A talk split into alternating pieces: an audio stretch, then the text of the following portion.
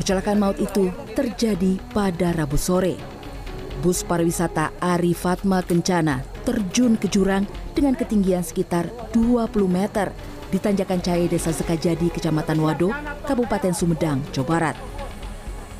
Bus nahas itu mengangkut 59 penumpang rombongan peziarah dari SMP IT Al Muawah, Cisalak, Subang yang terdiri dari siswa, guru, dan keluarga pendamping. Kecelakaan terjadi saat rombongan sedang dalam perjalanan pulang dari wilayah Pamijahan, Tasikmalaya. Salah satu korban yang berhasil selamat menuturkan, sebelum kecelakaan terjadi, bus sempat oleng beberapa kali dan didahului bau kampas rem yang menyengat. Bahkan terdengar teriakan yang menyatakan bus mengalami remblong.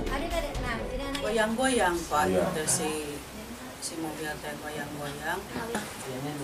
Langsung terjun ke bawah. Mobil oleng. Ya, mobil oleng. Sempat nggak ada yang memperingatkan pada saat oleng itu? Sempat itu uh, sauna teh teh. Nah, ieu teh bau hangit naon cenah geuna kitu eta teh. Ai sawar eta teh di payun oge eta aya nu eta cenah. Cing pariksa heula cenah ieu, heeh cenah ieu teh remna blong. Eha Nuraiti, warga Pasir Laja, Cisalak, Subang, juga merupakan salah satu penumpang yang berhasil selamat. Eha sangat bersyukur dirinya hanya mengalami luka memar di bagian kaki dan badan setelah terbanting saat bus masuk jurang.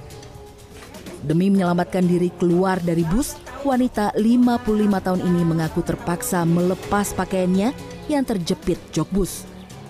Terjepit, asup teh, uh, sarang kaas eta sampean ngalaan eta gogorokan ujang ujang banyak kami ada di, di katarannya di bang baju lah.